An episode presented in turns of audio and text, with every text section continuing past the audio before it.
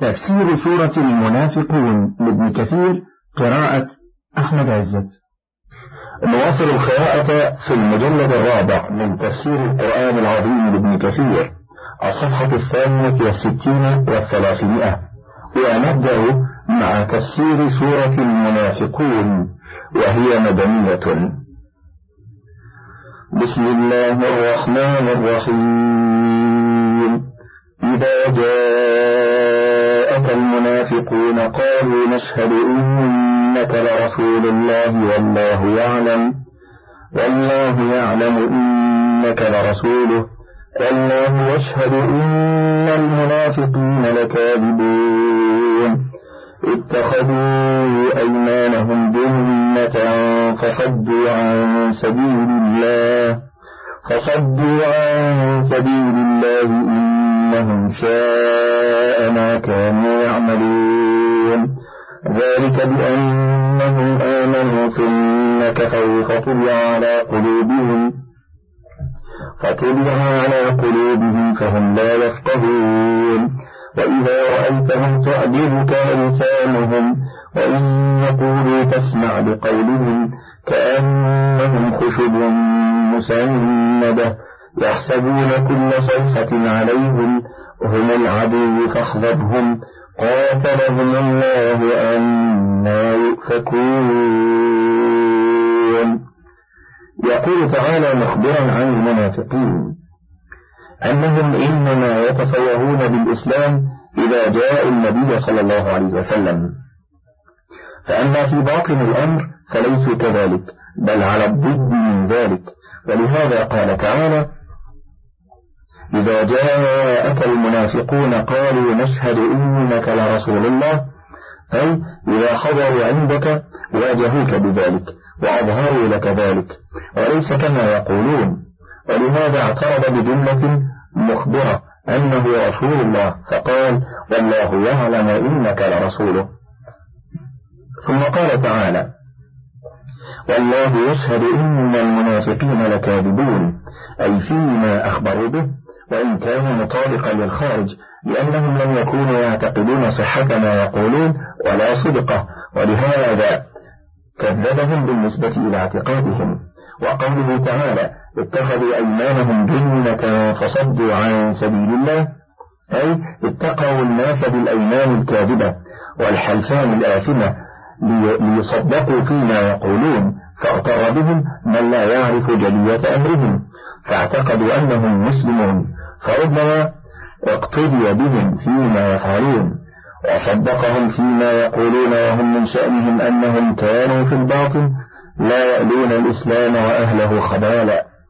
فحصل بهذا القدر ضرر كبير على كثير من الناس. ولهذا قال تعالى فصدوا عن سبيل الله إنهم ساء ما كانوا يعملون. ولهذا كان الضحاك بن مزاحم يقرأها اتخذوا أيمانهم جنة أي تصديقهم الظاهر جنة أي تقية يتقون به القتل. والجمهور يقرأها أيمانهم جمع يمين. وقوله تعالى ذلك بأنهم آمنوا ثم كفروا فطبع على قلوبهم فهم لا يفقهون. أي إنما قدر عليهم النفاق لرجوعهم عن الإيمان إلى الكفران. واستبدالهم الضلالة بالهدى فطبع الله على قلوبهم فهم لا يفقهون. أي فلا يصل إلى قلوبهم هدى ولا يخلص إليها خير فلا تعي ولا تهتدي. وقوله تعالى وإذا رأيتهم تعجبك أجسامهم وإن يقولوا تسمع لقولهم. أي وكانوا أشكالا حسنة وذوي فصاحة وألسنة. وإذا رأيتهم تعجبك أجسامهم وإن يقولوا تسمع لقولهم وإذا سمعهم السامع يصغي إلى قولهم لبلاغتهم وهم مع ذلك في غاية الضعف والخور والهلع والجزع والجبن ولهذا قال تعالى يحسبون كل صيحة عليهم أي كلما وقع أمر أو كائنة أو خوف يعتقدون لجبنهم أنه نازل بهم. كما قال تعالى أشحة عليكم فإذا جاء الخوف رأيتهم ينظرون إليك تدور أعينهم كالذي يغشى عليه من الموت. فإذا ذهب الخوف سلقوكم بألسنة الحداد أشحة على الخير أولئك لم يؤمنوا فأحبط الله أعمالهم وكان ذلك على الله يسيرا. فهم جهامات وصور بلا معاني. ولهذا قال تعالى هم العدو فاحذرهم قاتلهم الله أما يؤفكون. أي كيف يصرفون عن الهدى إلى الضلال؟ وقد قال الإمام أحمد حدثنا يزيد حدثنا عبد الملك ابن قدامة الجمحي عن إسحاق بن بكير ابن أبي الفرات عن سعيد بن أبي سعيد المقبري عن أبيه عن أبي هريرة رضي الله عنه أن النبي صلى الله عليه وسلم قال إن للمنافقين علامات يعرفون بها تحيتهم لعنة وطعامهم نهبة وغنيمتهم غلول ولا يقربون المساجد إلا هجرا ولا يأتون الصلاة إلا جبرا مستكبرين لا يألفون ولا يؤلفون خشب بالليل صخب بالنهار وقال يزيد بن مرة صخب بالنهار. وإذا قيل لهم تعالوا يستغفر لكم رسول الله لووا رؤوسهم ورأيتهم ورأيتهم يصدون وهم مستكبرون. سواء عليهم أستغفرت لهم أم لم تستغفر لهم لن يغفر الله لهم. إن الله لا يهدي القوم الفاسقين. هم الذين يقولون لا تنفقوا على من عند رسول الله حتى ينفضوا. ولله خزائن السماوات والأرض ولكن المنافقين لا يفقهون. يقولون لئن رجعنا إلى المدينة ليخرجن الأعز منها الأذل. ولله العزة ولرسوله وللمؤمنين ولكن المنافقين لا يعلمون. يقول تعالى مخبرا عن المنافقين عليهم لعائن الله أنهم إذا قيل لهم تعالوا يستغفر لكم رسول الله لووا رؤوسهم أي صدوا وأعرضوا عما قيل لهم استكبارا عن ذلك واحتقارا بما قيل لهم. ولهذا قال تعالى ورأيتهم يصدون وهم مستكبرون ثم جازاهم على ذلك فقال تعالى سواء عليهم أستغفرت لهم أم لم تستغفر لهم لن يغفر الله لهم. إن الله لا يهدي القوم الفاسقين. كما قال في سورة براءة وقد تقدم الكلام على ذلك وإيراد الأحاديث المروية هنالك. وقال ابن أبي حاتم حدثنا أبي حدثنا ابن أبي عمر العدني قال قال سفيان لووا رؤوسهم قال ابن أبي عمر حول سفيان وجهه عن يمينه على يمينه ونظر بعينه شجرة ثم قال هو هذا. وقد ذكر غير واحد من السلف أن هذا السياق كله نزل في عبد الله بن أبي بن سلول كما سنورده قريبا إن شاء الله تعالى وبه الثقة وعليه التكلان وقد قال محمد بن إسحاق في السيرة ولما قدم رسول الله صلى الله عليه وسلم المدينة يعني مرجعه من أحد وكان عبد الله بن أبي بن سلول كما حدثني ابن شهاب الزهري له مقام يقومه كل جمعة لا ينكر شرفا له من نفسه ومن قومه وكان فيه شريفا إذا جلس النبي صلى الله عليه وسلم يوم الجمعة وهو يخطب الناس قام فقال أيها الناس هذا رسول الله صلى الله عليه وسلم بين أظهركم. أكرمكم الله به وأعزكم به. فانصروه وعزروه واسمعوا له وأطيعوا ثم يجلس. حتى إذا صنع يوم أحد. ما صنع؟ يعني مرجعه بثلث الجيش. ورجع الناس. قام يفعل ذلك. كما كان يفعله. فأخذ المسلمون بثيابه من نواحيه وقال اجلس أي عدو الله لست لذلك بأهل.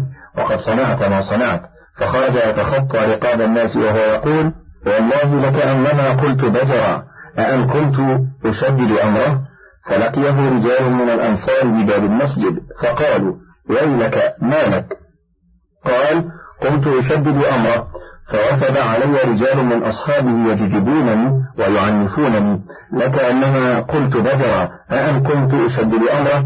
قالوا ويلك ارجع واستغفر لك رسول الله صلى الله عليه وسلم. فقال والله ما أبتغي أن يستغفر لي. وقال قتادة والسدي أنزلت هذه الآية في عبد الله بن أبي وذلك أن غلاما من قرابته انطلق إلى رسول الله صلى الله عليه وسلم فحدثه بحديث عنه بأمر شديد فدعاه رسول الله صلى الله عليه وسلم فإذا هو يحلف بالله ويتبرأ من ذلك وأقبلت الأنصار على ذلك الغلام فلاموه وعزلوه وأنزل الله فيه ما تسمعون. وقيل لعدو الله لو أتيت رسول الله صلى الله عليه وسلم فجعل يلوي رأسه أي لست فاعلا وقال ابن أبي حاتم حدثنا أبي حدثنا أبو الربيع الزهراني حدثنا حماد بن زيد حدثنا أيوب عن سعيد بن جبير أن رسول الله صلى الله عليه وسلم كان إذا نزل منزلا لم يرتحل حتى يصلي فيه فلما كانت غزوة تبوك بلغه أن عبد الله بن أبي بن سلول قال ليخرجن الأعز منها الأذل فارتحل قبل أن ينزل آخر النهار. وقيل لعبد الله بن أبي ائت النبي صلى الله عليه وسلم حتى يستغفر لك. فأنزل الله تعالى إذا جاءك المنافقون إلى قوله وإذا قيل لهم تعالى يستغفر لكم رسول الله لووا رؤوسهم. وهذا إسناد صحيح إلى سعيد بن جبير. وقوله إن ذلك كان في غزوة تبوك فيه نظر بل ليس بجيد. فإن عبد الله بن أبي بن سلول لم يكن ممن خرج في غزوة تبوك. بل رجع بطائفة من الجيش وإنما المشهور عند أصحاب المغازي والسير أن ذلك كان في غزوة المريسية وهي غزوة بني المصطلق وقال يونس بن بكير عن ابن إسحاق حدثني محمد بن يحيى بن حبان وعبد الله بن أبي بكر وعاصم بن عمر وابن قتادة في قصة بني المصطلق فبين رسول الله صلى الله عليه وسلم مقيم هناك اقتتل, اقتتل على الماء جهجاه بن سعيد بن فاري وكان أجيرا لعمر بن الخطاب وسنان بن يزيد. قال ابن إسحاق فحدثني محمد بن يحيى بن حبان قال ازدحما على الماء فاقتتلا فقال سنان يا معشر الأنصار وقال الجهجاه يا معشر المهاجرين. وزيد بن أرقم ونفر من الأنصار عند عبد الله بن أبي. فلما سمعنا قال قد ثارونا في بلادنا. والله ما مثلنا وجلابيب قريش. هذه إلا كما قال القائل سم كلبك يأكلك والله لئن رجعنا إلى المدينة ليخرجن الأعز منها الأذل. ثم أقبل على من عنده من قومه وقال هذا ما صنعتم بأنفسكم أحللتموهم بلادكم وقاسمتموهم أموالكم أما والله لو كففتم عنهم لتحولوا عنكم من بلادكم إلى غيرها. فسمعها زيد بن أرقم رضي الله عنه فذهب بها إلى رسول الله صلى الله عليه وسلم وهو غليم عنده عمر بن الخطاب رضي الله عنه فأخبره الخبر فقال عمر رضي الله عنه يا رسول الله مر عباد بن بش فليضرب عنقه. فقال رسول الله صلى الله عليه وسلم فكيف إذا تحدث الناس يا عمر أن محمدا يقتل أصحابه؟ لا. ولكن نادي يا عمر الرحيل؟ فلما بلغ عبد الله بن أبي أن ذلك قد بلغ رسول الله صلى الله عليه وسلم أتاه فاعتذر إليه وحلف بالله ما قال.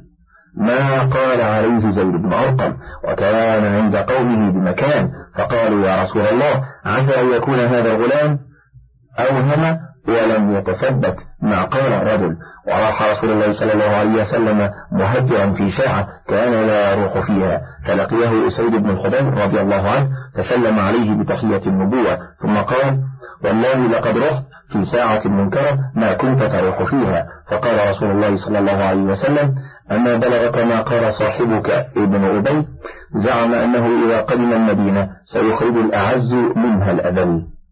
قال فأنت يا رسول الله العزيز وهو الذليل ثم قال ارفق به يا رسول الله. فوالله لقد جاء الله بك وإنا لننظم له الخرز لتوجه فإنه لو يرى أن قد سلبته ملكا. فصار رسول الله صلى الله عليه وسلم بالناس حتى أمسوا وليلته حتى أصبحوا وصبر يومه حتى اشتد الضحى.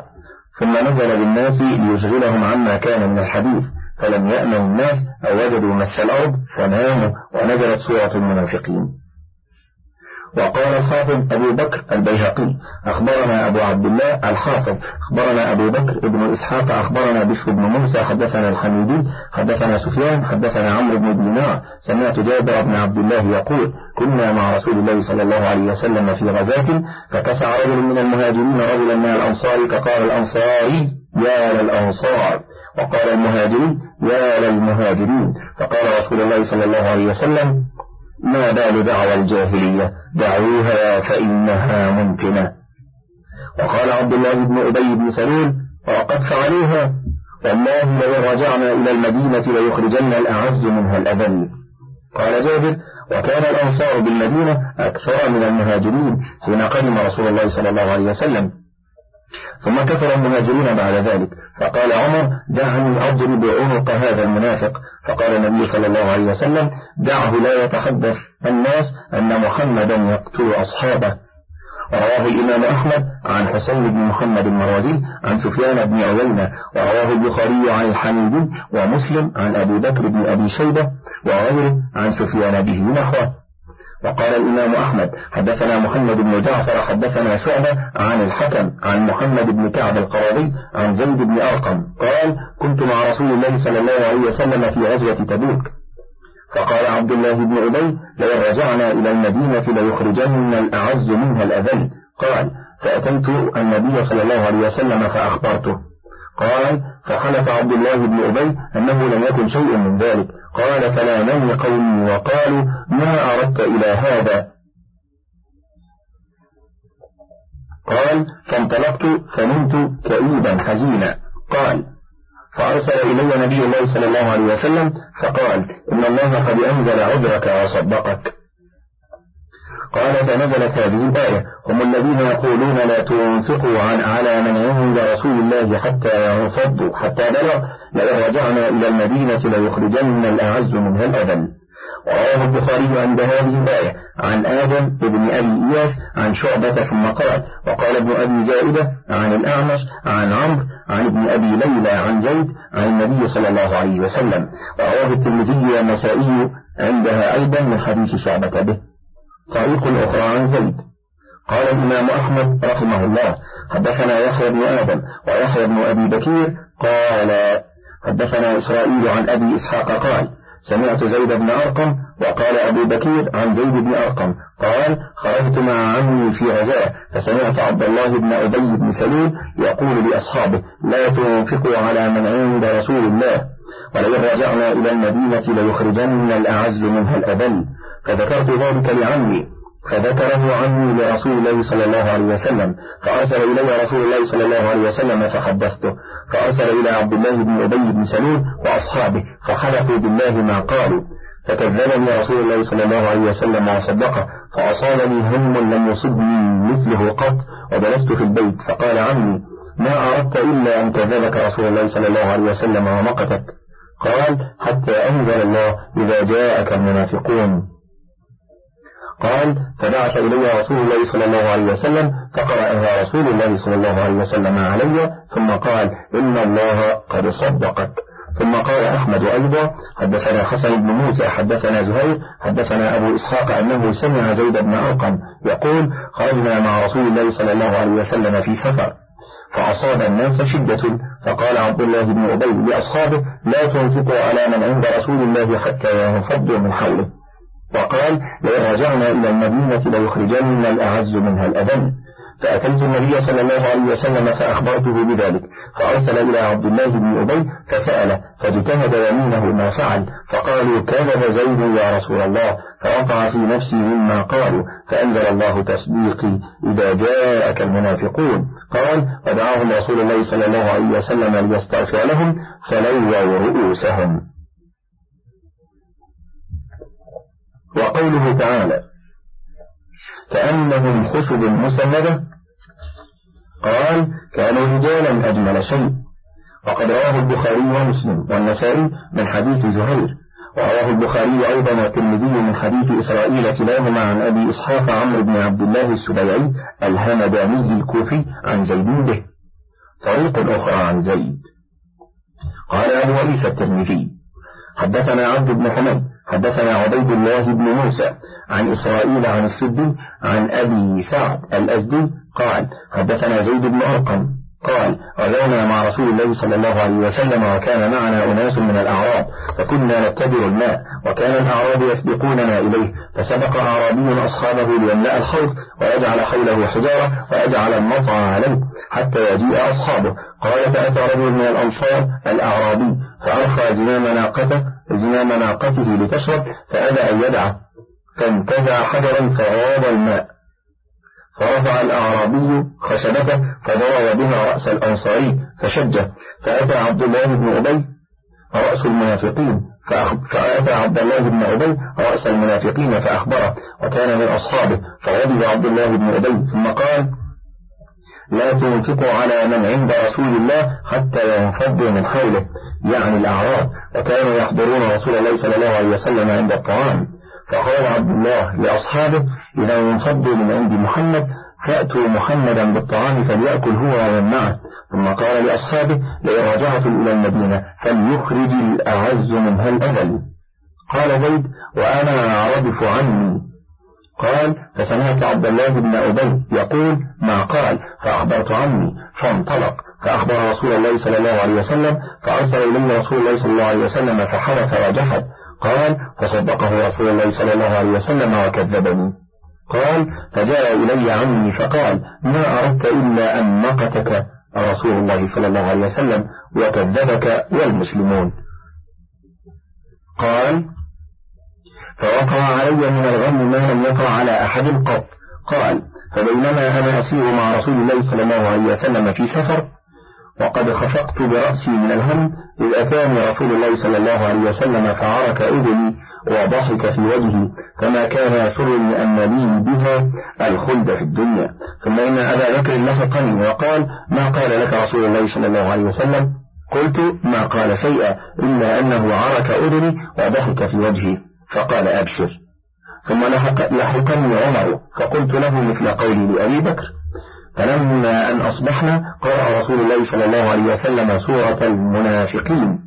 انفرد بإخراجه الترمذي وقال هذا حديث حسن صحيح. وهكذا رواه الحافظ البيهقي عن الحاكم عن عبيد الله بن موسى وزاد بعد قوله سورة المنافقين إذا جاءك المنافقون قالوا نشهد إنك لرسول الله حتى بلغ هم الذين يقولون لا تنفقوا على من عند رسول الله حتى ينفضوا حتى بلغ ليخرجن الأعز منها الأذل وقد روى عبد الله بن لهيعة عن أبي الأسود عن عروة بن الزبير في المغازي في المغازي وكذا ذكر موسى بن عقبة في مغازيه أيضا. هذه القصة بهذا السياق. ولكن جعل الذي بلغ رسول الله صلى الله عليه وسلم كلام عبد الله بن أبي بن سلول إنما هو أوس بن أقرم من بني الحارث بن الخزرج فلعله مبلغ آخر أو تصحيف من جهة السنة والله أعلم. وقد قال ابن أبي حاتم رحمه الله حدثنا محمد بن عزيز الأولي حدثني سلام حدثني عقيل أخبرت محمد بن مسلم أن عروة بن الزبير وعمر بن ثابت الأنصاري أخبراه أن رسول الله صلى الله عليه وسلم غزا غزوة المريسية وهي التي هدم رسول الله صلى الله عليه وسلم فيها مناة الطاغية التي التي كانت بين قفل المسلل وبين البحر.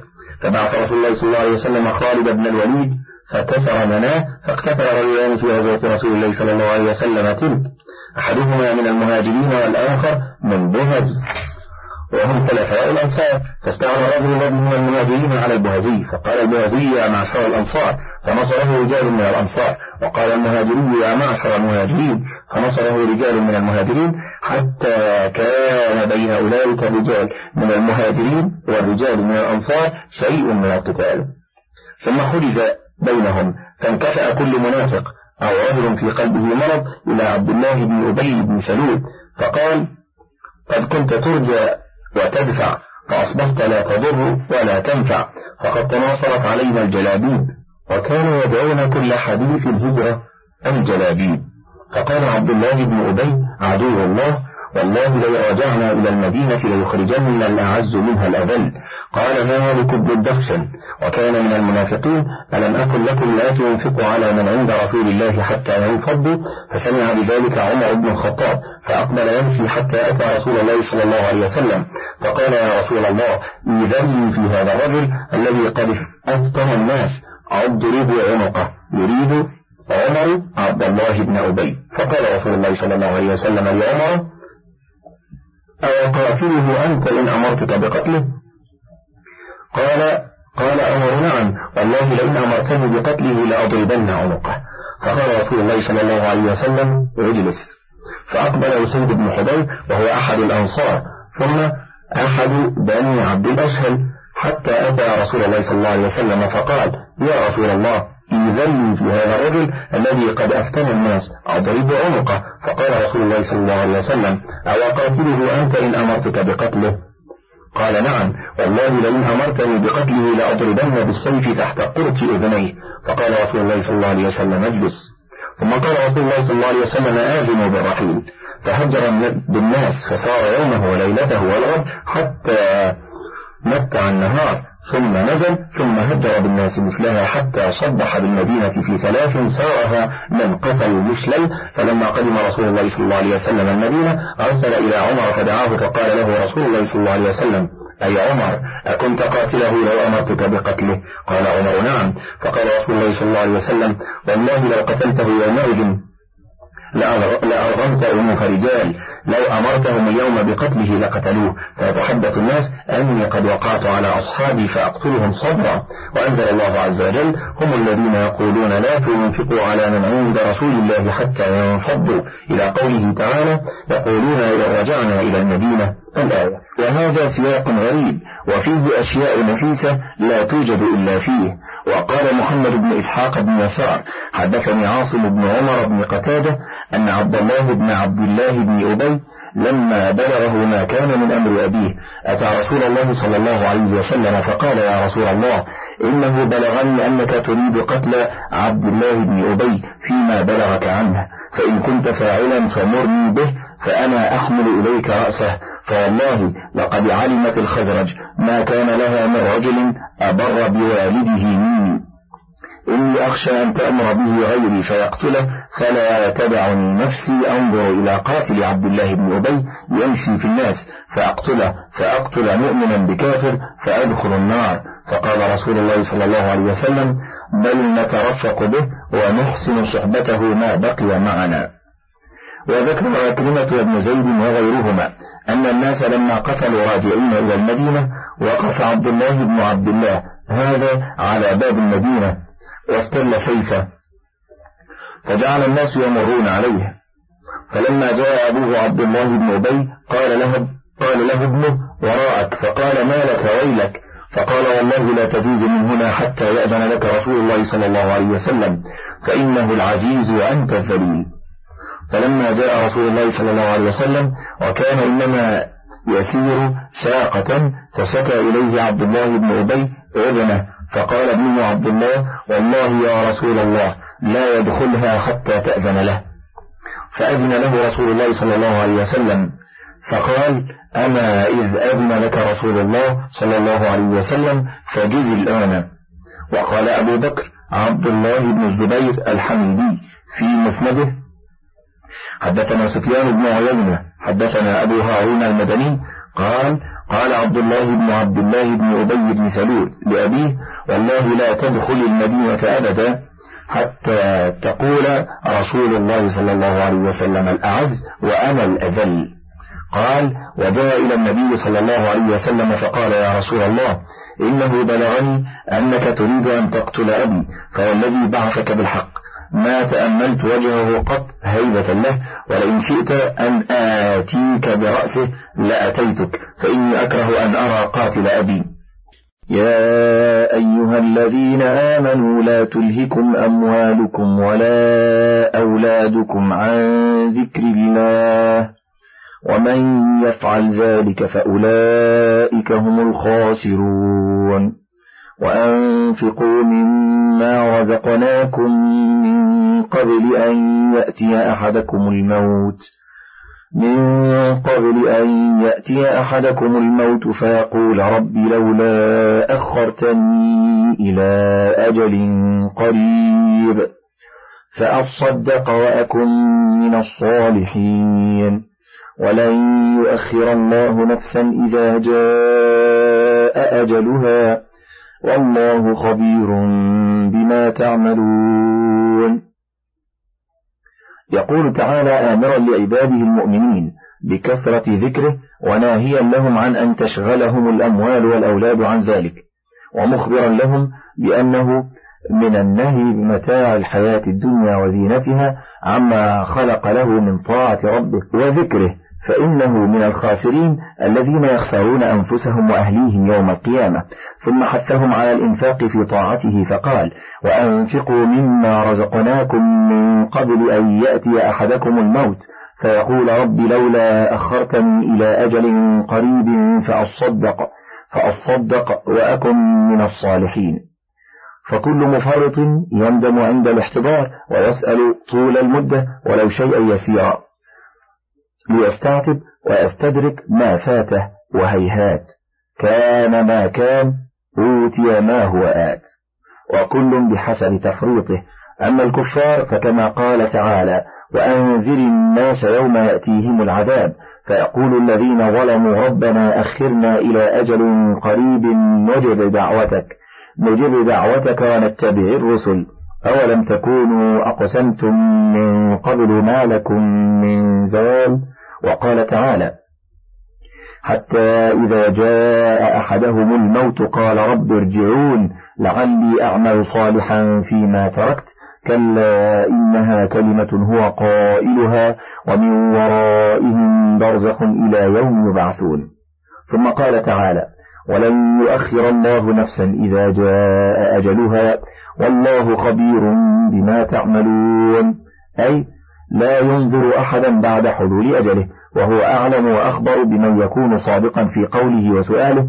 ممن لو رد لعاد إلى شر من شر مما كان عليه. ولهذا قال تعالى والله خبير بما تعملون. وقال أبو عيسى الترمذي حدثنا عبد بن حميد حدثنا جعفر بن عون حدثنا أبو جناب الكلبي عن الضحاك بن مزاحم عن ابن عباس قال من كان له مال يبلغه حج بيت ربه أو تجب عليه فيه زكاة فلم يفعل سأل رجعة عند الموت فقال رجل يا ابن عباس اتق الله فإنما يسأل رجعة الكفار فقال سأتلو عليك بذلك قرآنا. يا أيها الذين آمنوا لا تلهكم أموالكم ولا أولادكم عن ذكر الله ومن يفعل ذلك فأولئك هم الخاسرون وأنفقوا مما رزقناكم من قبل أن يأتي أحدكم الموت فيقول فيقول رب لولا أخرتني إلى أجل قريب فأصدق فأصدق وأكن من الصالحين إلى قوله والله خبير بما تعملون. قال فما يوجب الزكاة؟ قال إذا بلغ المال مئتين فصاعدا. قال فما يوجب الحج؟ قال الزاد والبعير. ثم قال حدثنا عبد بن حميد حدثنا عبد الرزاق عن الثوري عن يحيى بن أبي حية وهو أبو جناب الكلبي عن الضحاك عن ابن عباس عن النبي صلى الله عليه وسلم بنحوه. ثم قال وقد رواه سفيان بن عيينة وغيره عن أبي جناب عن الضحاك عن ابن عباس من قوله وهو أصح وضعف أبا جناب الكلبي. قلت ورواية الضحاك عن ابن عباس فيها انقطاع والله أعلم.